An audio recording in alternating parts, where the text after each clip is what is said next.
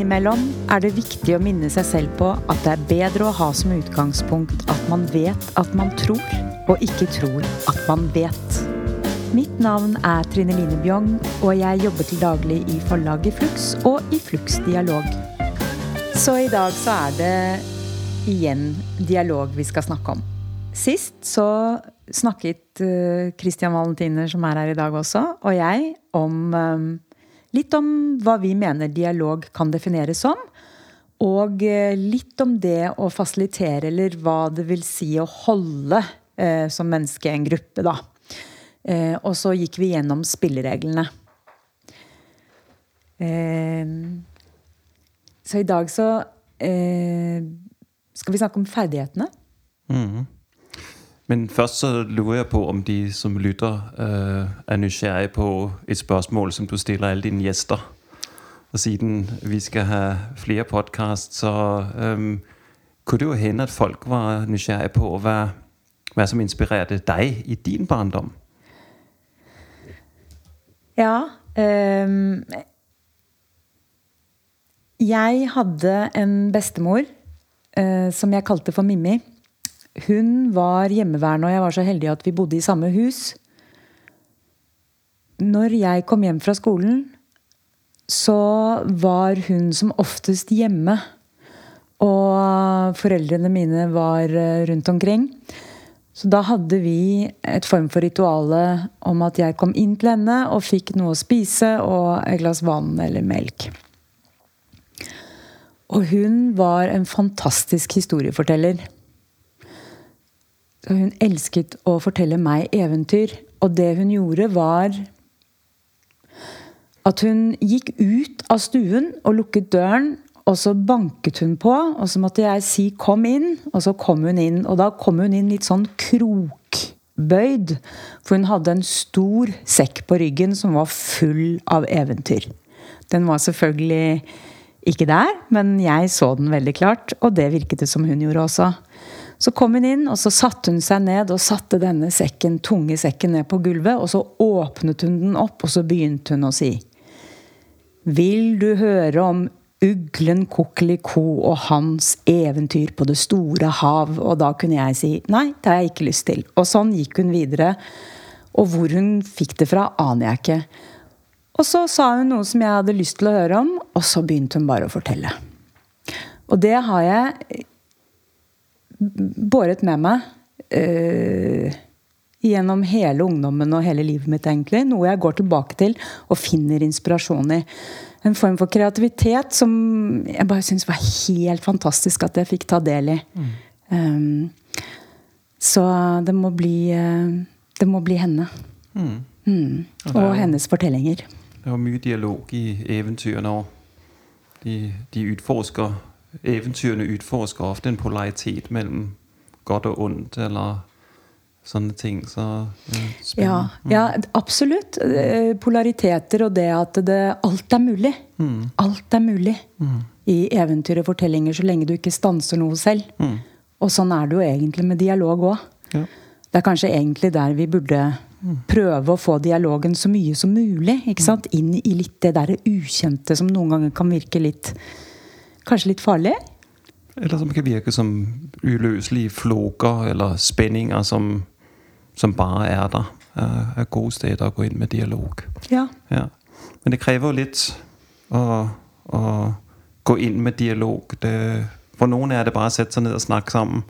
Og for andre krever det litt, litt rammer. Vi snakket om, om spillereglene sist, som er som en av disse rammene som vi kaller for dialog. Uh, så nevnte du innledningsvis at i dag skal vi snakke om ferdigheter. Så mm. ja.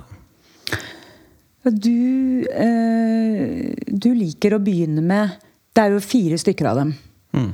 Um, og du liker å begynne med å lytte. At det er en av ferdighetene. Ja, Eller før vi går dit mm.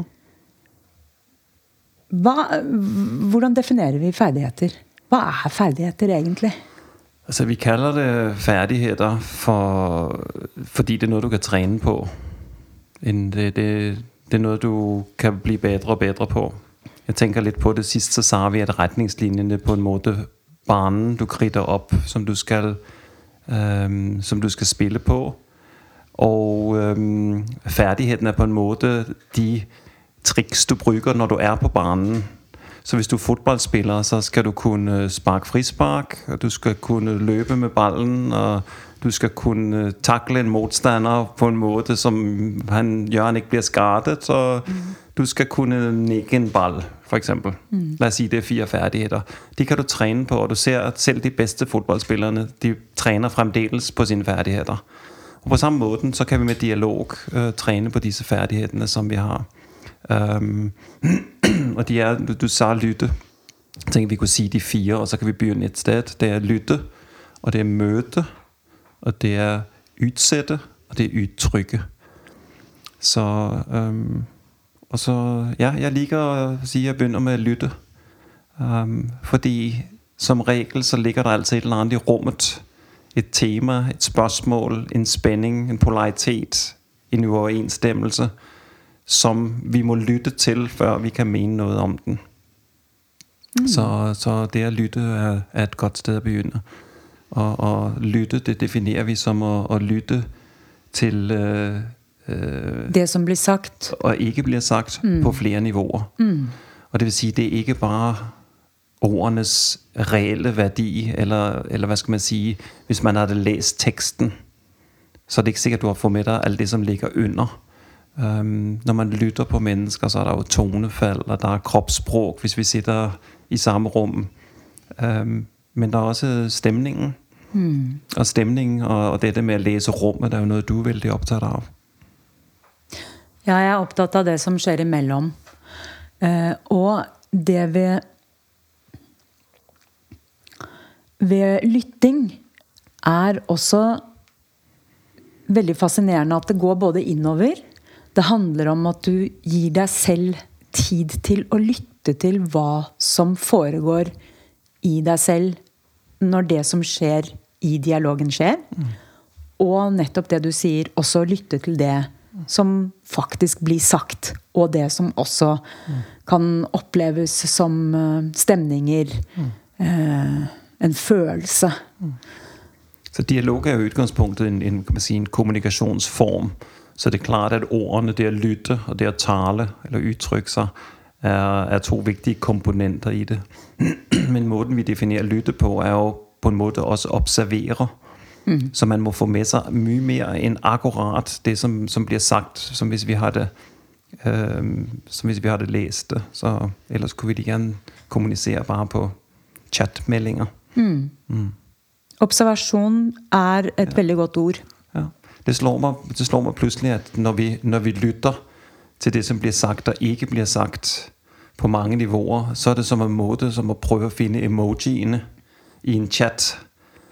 Altså, du har ordene, men så har du emojiene, som prøver å uttrykke alt det andre, som vi ikke nødvendigvis kan uttrykke med ord. Mm. Så, så som facilitator dialog, så prøv å lete etter emojiene i rummet. Mm. Så, ja. Eller som understreker, ikke sant? Jo, Et som ord. understreker. Ja. En understreker, eller en fet eller en kursiv. Mm. Ja, en tankestrek. Mm. Så alle disse ortografiske virkemidlene de finnes når du lytter og når du observerer.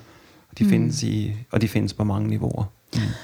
Og så handler det også om i dialog veldig ofte at du skal lytte for å forstå, ikke for å forandre. Og det, jeg husker at det var liksom noe som på en måte eh, var en sånn eh, aha-opplevelse for meg. Jeg trodde at jeg var veldig god til å lytte. Men veldig ofte så lyttet jeg fordi jeg ønsket å si noe i etterkant. Hva var det som skjedde i meg? Og så handlet det bare om å få sagt det fort nok etterpå. Istedenfor å faktisk lytte og være til stede mm. med den personen mm. som da sier noe. Mm. Eller å lytte litt til den stemningen som ligger i rommet, mm. før du gjør noe. Mm. Så lytte handler også om litt at du, at du sakner farten, tiden. Mm. Og da har vi jo noen av spillereglene som hjelper oss der, ikke sant? Mm. I forhold til det en, som snakker om gangen. Sist snakket vi om, at det, eh, å skape rom for at vi virkelig kan lytte for å forstå. For å lytte for å avdekke. så, så vi kan ja, bygge videre på det, som kommer. Mm.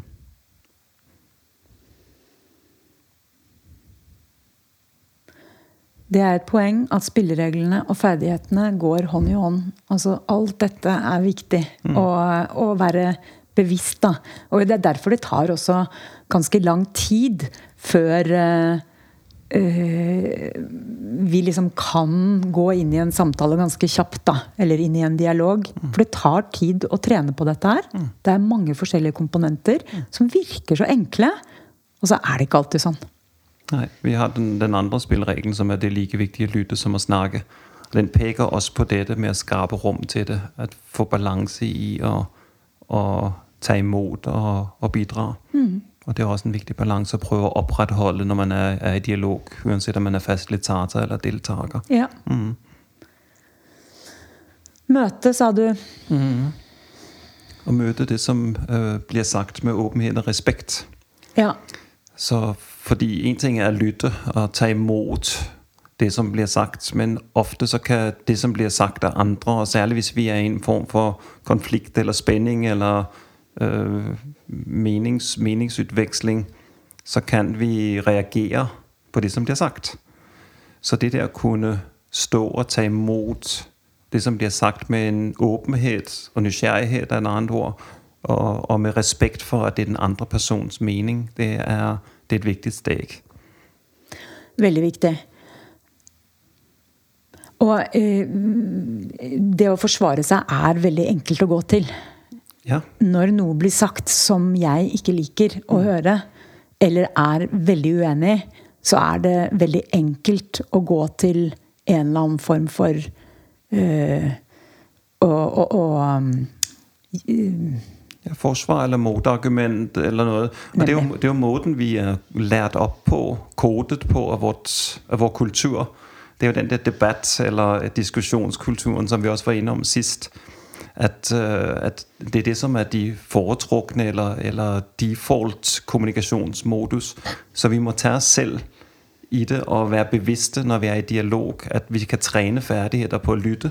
Vi kan trene ferdigheten på å møte det, som blir sagt med åpenhet og respekt. Mm. Og, og, og i, i vores øh, kurs og, og dialogcirkler og workshops osv., så, videre, så er der jo mange, der spør om, hvad, jamen respekt, hvordan kan jeg respektere en annen?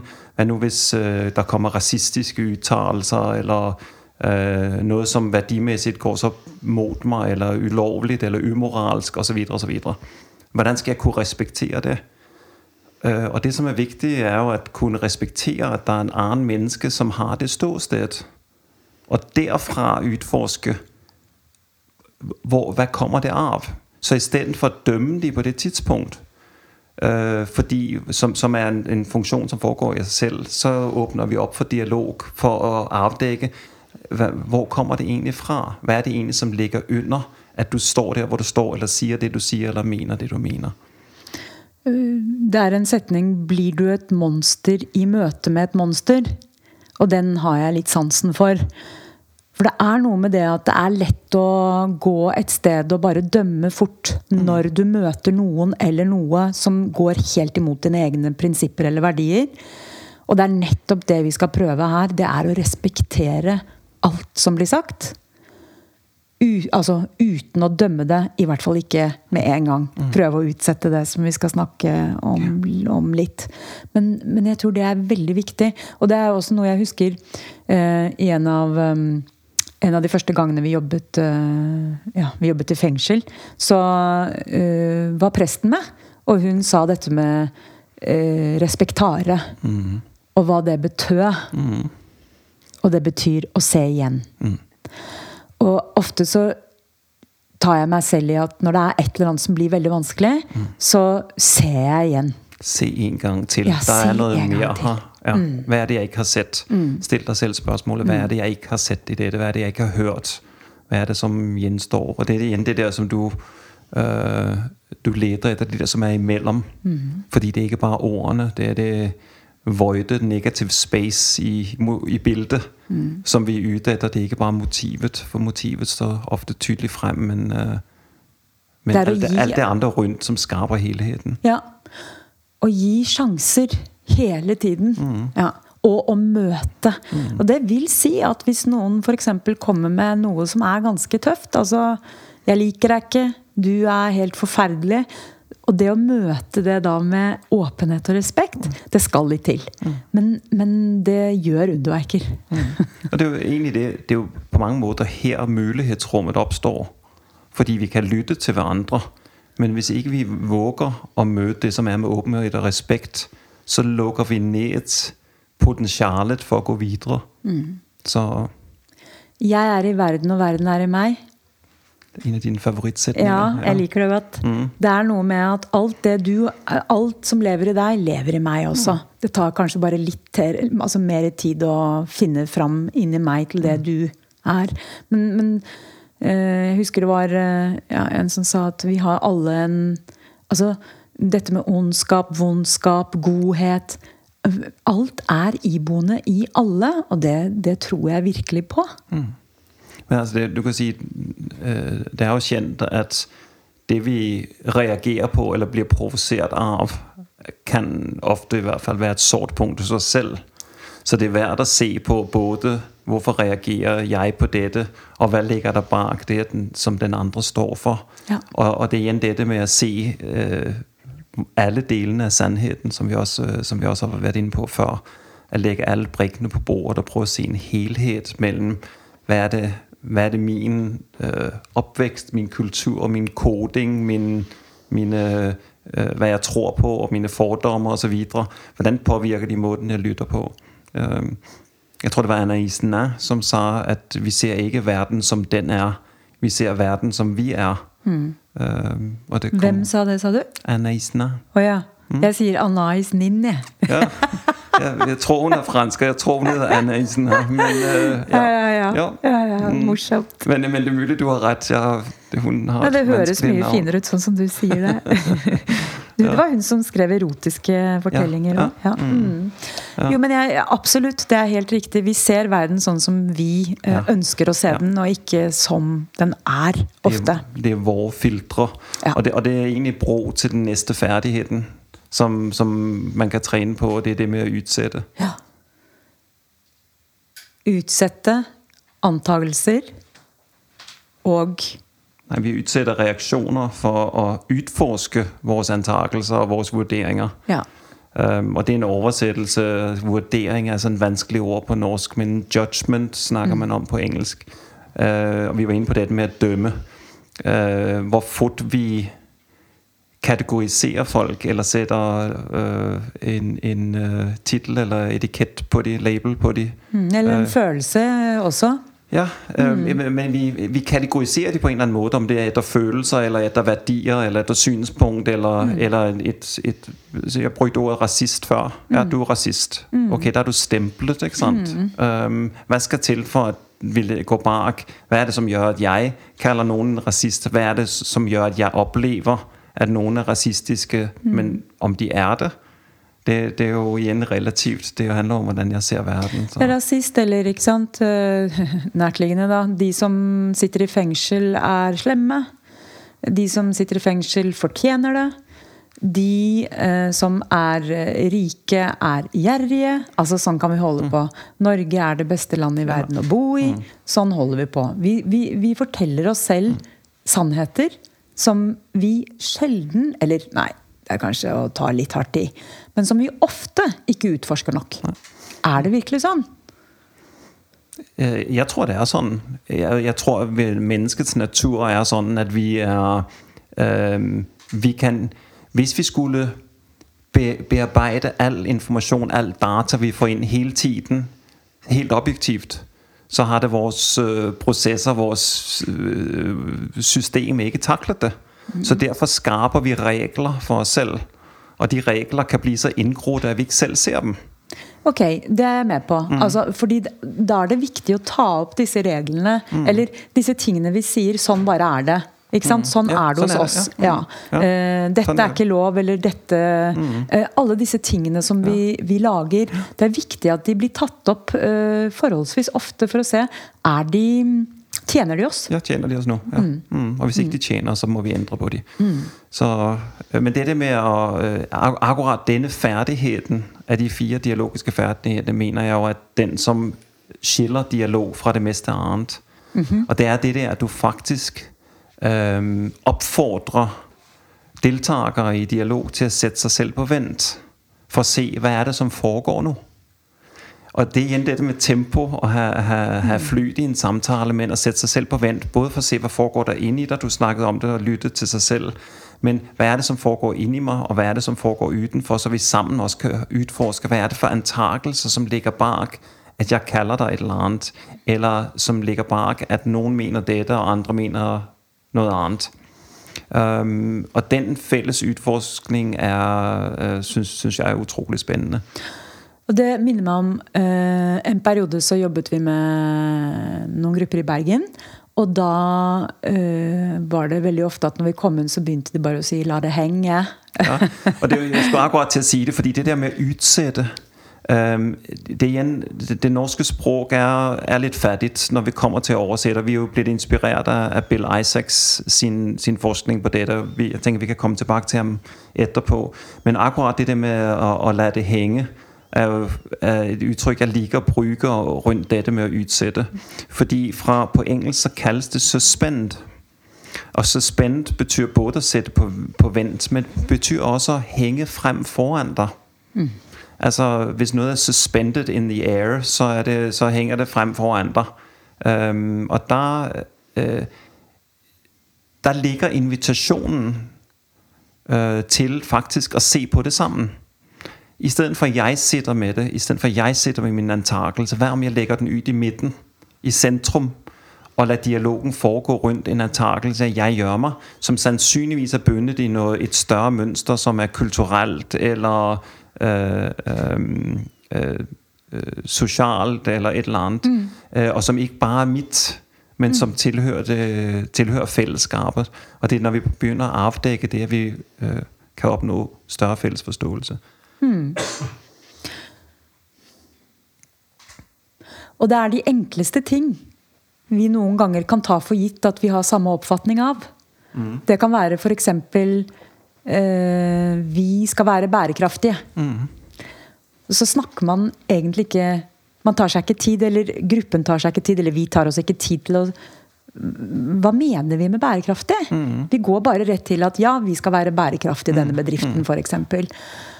Og, så, og, og da, da, går vi forbi noe som er veldig viktig, og det er der jeg mener at dialog er uh, utrolig nyttig. Mm. Å ta seg tid til, f.eks. før man skal lage en visjon, eller uh, man skal starte et stort prosjekt. Hva er det egentlig dette prosjektet går ut på? Mm. Hva mener de forskjellige i gruppen om mm. det vi nå skal gjøre? Mm. Har vi samme oppfattelse av hva det vi nå trer inn i? Mm. Jeg husker også, Det kan også være noe som går på følelser, f.eks. å ta en runde på et ord som mor. Ikke sant? Hva kommer opp i deg når vi sier mor? Og. Noen kan liksom si at mor er på en måte kjærlig, omsorgsfull mm. osv. Men hvis du har en stor nok gruppe, så blir du overrasket over alle svarene du får. Og hvor forskjellige de er. Og det er nyttig informasjon. Det, jeg, kan, jeg kan gi et eksempel på det der med nytten av å utforske den, de, disse inngrodde oppfattelsene vi har av et begrep. Jeg har jobbet for et stort sykehus for en ti 10 år siden Uh, med, en, med en omorganisering. Og um, ordet sengepost, som er et, et, et sykehusbegrep, uh, det ble definert på, jeg kan ikke huske hvor mange det var, jeg tror, men det var i hvert fall seks ulike måter Av ulike yrkesgrupper. Så sykepleierne har det en definition hva en sengepost var. Det var deres arbeidsplass uh, rundt et antall sengeposter på en avdeling. Uh, portørerne som sørger for, at alt bliver holdt rent og skiftet ud osv. Der var en sengepost, en logistikenhed, som var defineret af ulike komponenter, som måtte være til stede på en sengepost. Og for lægene, som gik, øh, gik rundt på, på besøg, så var sengepost noget, noget helt tredje. Og det ved at udforske de indgrodte definitioner af antakelsen, som vi lægger i det, så får vi et større fælles billede af, hvad det er, vi egentlig snakker om. Og når vi snakker videre, så har vi en idé om, hva vi mener, når vi bruker et ord som sengepost, eller rasist eller noe annet. Ja. ja. Så det, det, det er et viktig steg. Jeg tror, jeg tror personlig at dette med å, å avdekke antakelser, ikke minst hvor mye det styrer meg selv, Noe av det viktigste jeg har fått ut av å drive med dialogarbeid i de siste, i de siste 11 årene. Mm. Mm. Man blir veldig bevidst Man blir veldig bevisst. Ja. Og man blir veldig bevisst. Man begynner å høre det i sitt eget språkbruk når der er inngrodde øh, holdninger Ja. øh, til stede, og når det ikke er det. Og det er kjempefint. Det er en bra bevisstgjøring.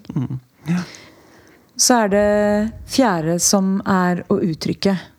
Ja, og her oppfordrer vi til å uttrykke ditt oppriktige bidrag til dialogen. Ja.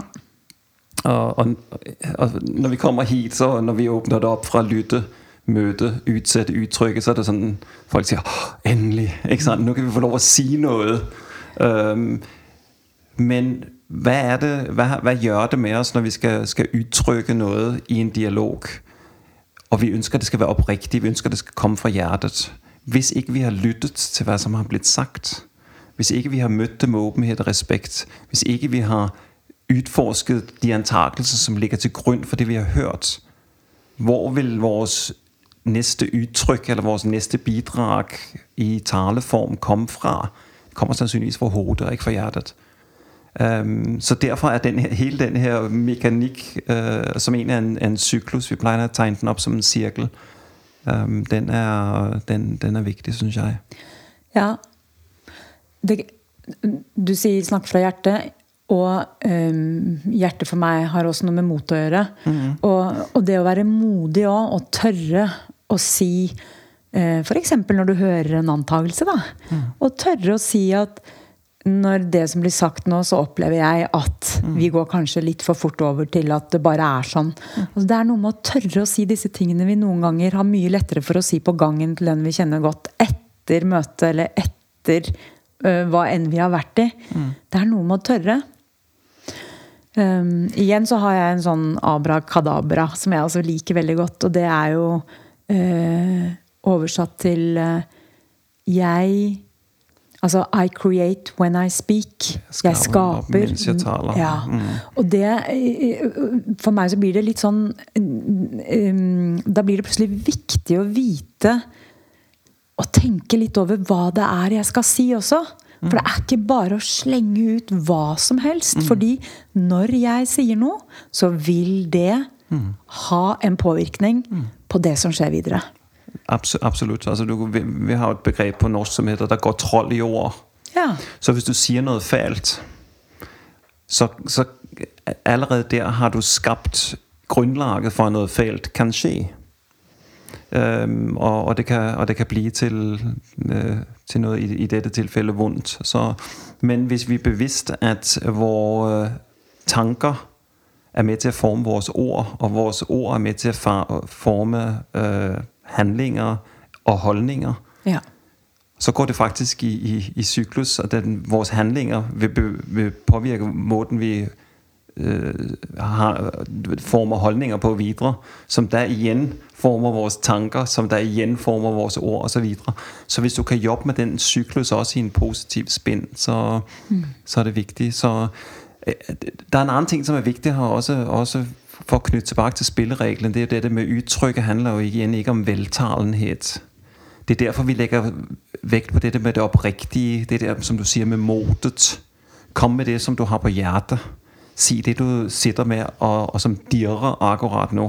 Og det å uttrykke trenger ikke å være et bidrag. Man trenger ikke å komme med et motargument, eller med prøve å bygge ut, eller prøve å støtte opp om det som blir sagt. Man kan også komme med et av disse øh, skarpe spørsmålene som er med til å bryte en dialog helt opp, så, så der plutselig skjer noe annet. Så det, det å uttrykke kan like gjerne være å stille spørsmål, som det kan være å legge sitt synspunkt på, på bålet. Mm.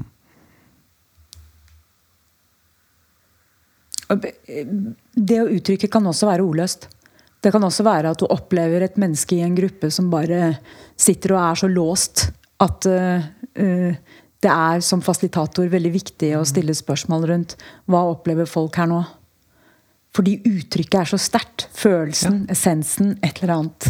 Absolutt. Og, og igjen så tror jeg det Selv om det er øh, ordløs kommunikasjon, så den der med tanker, ord og handling er, er det samme. Altså du ser ved øh, øh, Hva heter det? Passiv aggressiv Passive aggressive, hva heter det på norsk? Passiv-aggressiv? Jeg vet ikke. ja, jeg- tror folk vet hva det er. Men hvis du ser passiv-aggressive folk, Ja. så har de en, en aggressiv holdning, som kommer til uttrykk uten ord. Ja. Men det skaper handling. Det skaper stemning. Det skaper noe i rummet. Ja. Og det, og det, det er jo tydeligt. Eh, Veldig tydelig. Og jeg, eh, ofte så begynner vi med eh, å vise eller forklare en gruppe hvor lett det er å lese en gruppe, f.eks. når vi opplever at de ønsker en pause. Ja, Istedenfor å si 'nå tar vi en pause', så er det eh, utrolig ålreit å stille spørsmål om hva trenger vi nå. Og så får du gjerne tilbakemeldinger fra mange. Så dette med at det ofte er kollektivt òg, mm. Også viktig å, å ta med seg. ja.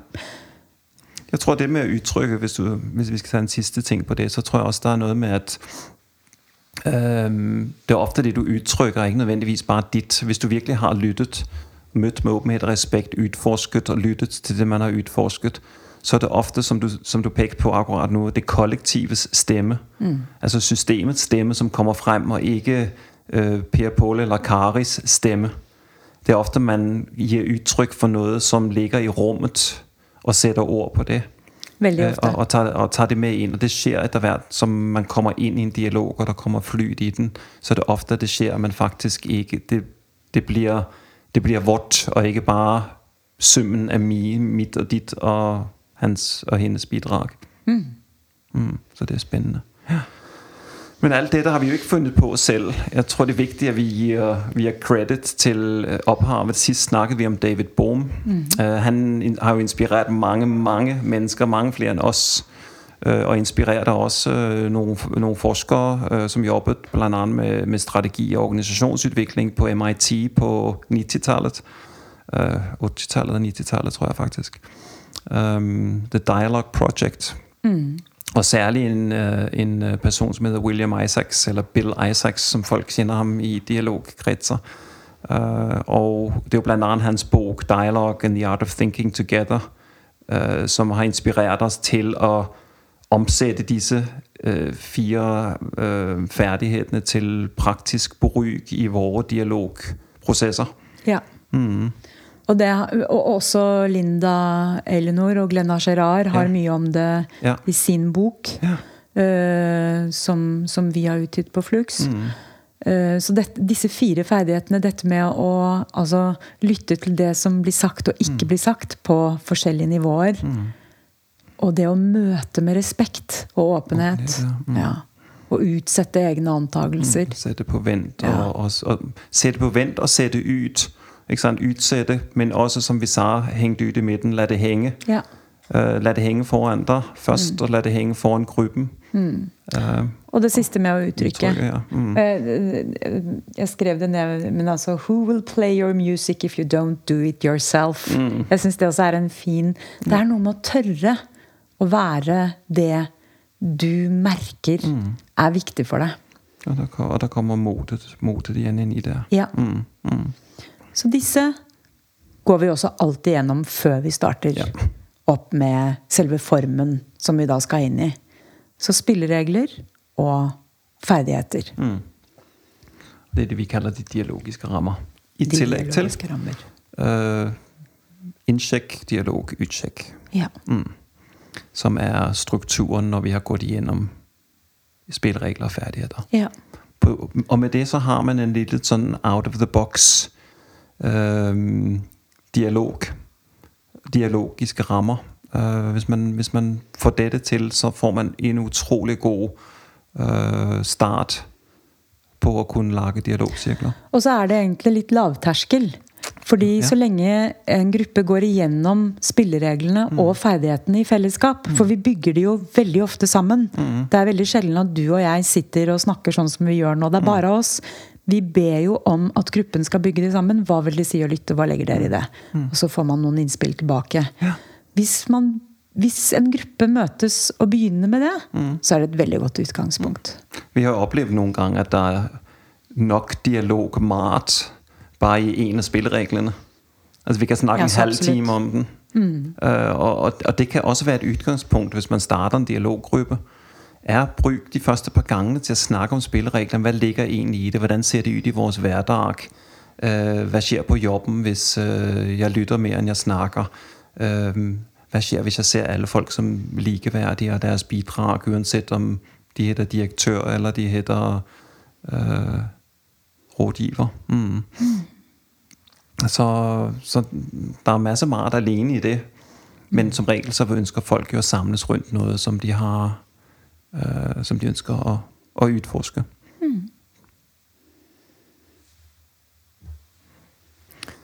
Ja, det var, det var ferdighetene. Um, sist så spurte du meg um, også om en hverdagshelt. Det kunne jo høres ut som i begynnelsen at din, din mormor og din Mimi også kunne vært en hverdagshelt. Men har du andre hverdagshelter som uh... Jeg har mange hverdagshelter, jeg. eh, jeg definerer jo hverdagshelt eh, nettopp at det er noen som er modige, og noen som øh, kanskje gjør noe som er litt utover sine egne grenser, og som vi ikke hører så mye om. Som det ikke står om i avisene. Som vi ikke ser på TV, som vi ikke hører på en podkast, kanskje. Jeg har en Jeg har en dame som Som sitter på samme sted oppe ved Uranienborg skole. Skole! som ber om penger som snakker dårlig norsk, men som har altså et smil eh, alltid. Og så sier hun 'How is your husband? How is your son?' Hver gang gjør hun det. Og så stiller jeg spørsmål tilbake på det, hvordan hun har det, og jeg skjønner at familien hennes er i et annet land, at hun har at hun er kald, at hun har problemer og savner søsteren sin. Altså Det er på en måte at vi, vi kommuniserer uh, uten egentlig et språk som er enkelt å kommunisere på. Men hun jeg tenker, Hvordan hadde jeg vært i en sånn rolle? Hvordan hadde jeg vært et sånt sted? Jeg syns at det, det er mm. Det er en ordentlig heltinne. Mm. Samme Altså det at hun sitter der og har et smil til alle. Mm. Ja. Hun er en hverdagshelt for meg. Og uttrykker på sitt språk. Ja. Hun er kjempefin. Ja. Mm. Om hun får penger eller ikke, mm. har ikke noe å si. Nei. Du har nå innimellom alle dagens gjøremål lyttet til noe som vi håper vil inspirere deg til å tenke litt annerledes. Lydtekniker til denne podkasten er Mathias Skjelland, og musikken du hører er laget av Olve Flakne spesielt til oss. I redaksjonen har du funnet ved siden av meg Sofie Kraft. Du kan lese mer om oss og vårt arbeid på flux.no og fluxdialog.no. Der vil du finne mer informasjon om alle våre bøker, våre prosjekter og aktiviteter. Flux betyr bevegelse, og vi ønsker å bevege tanken.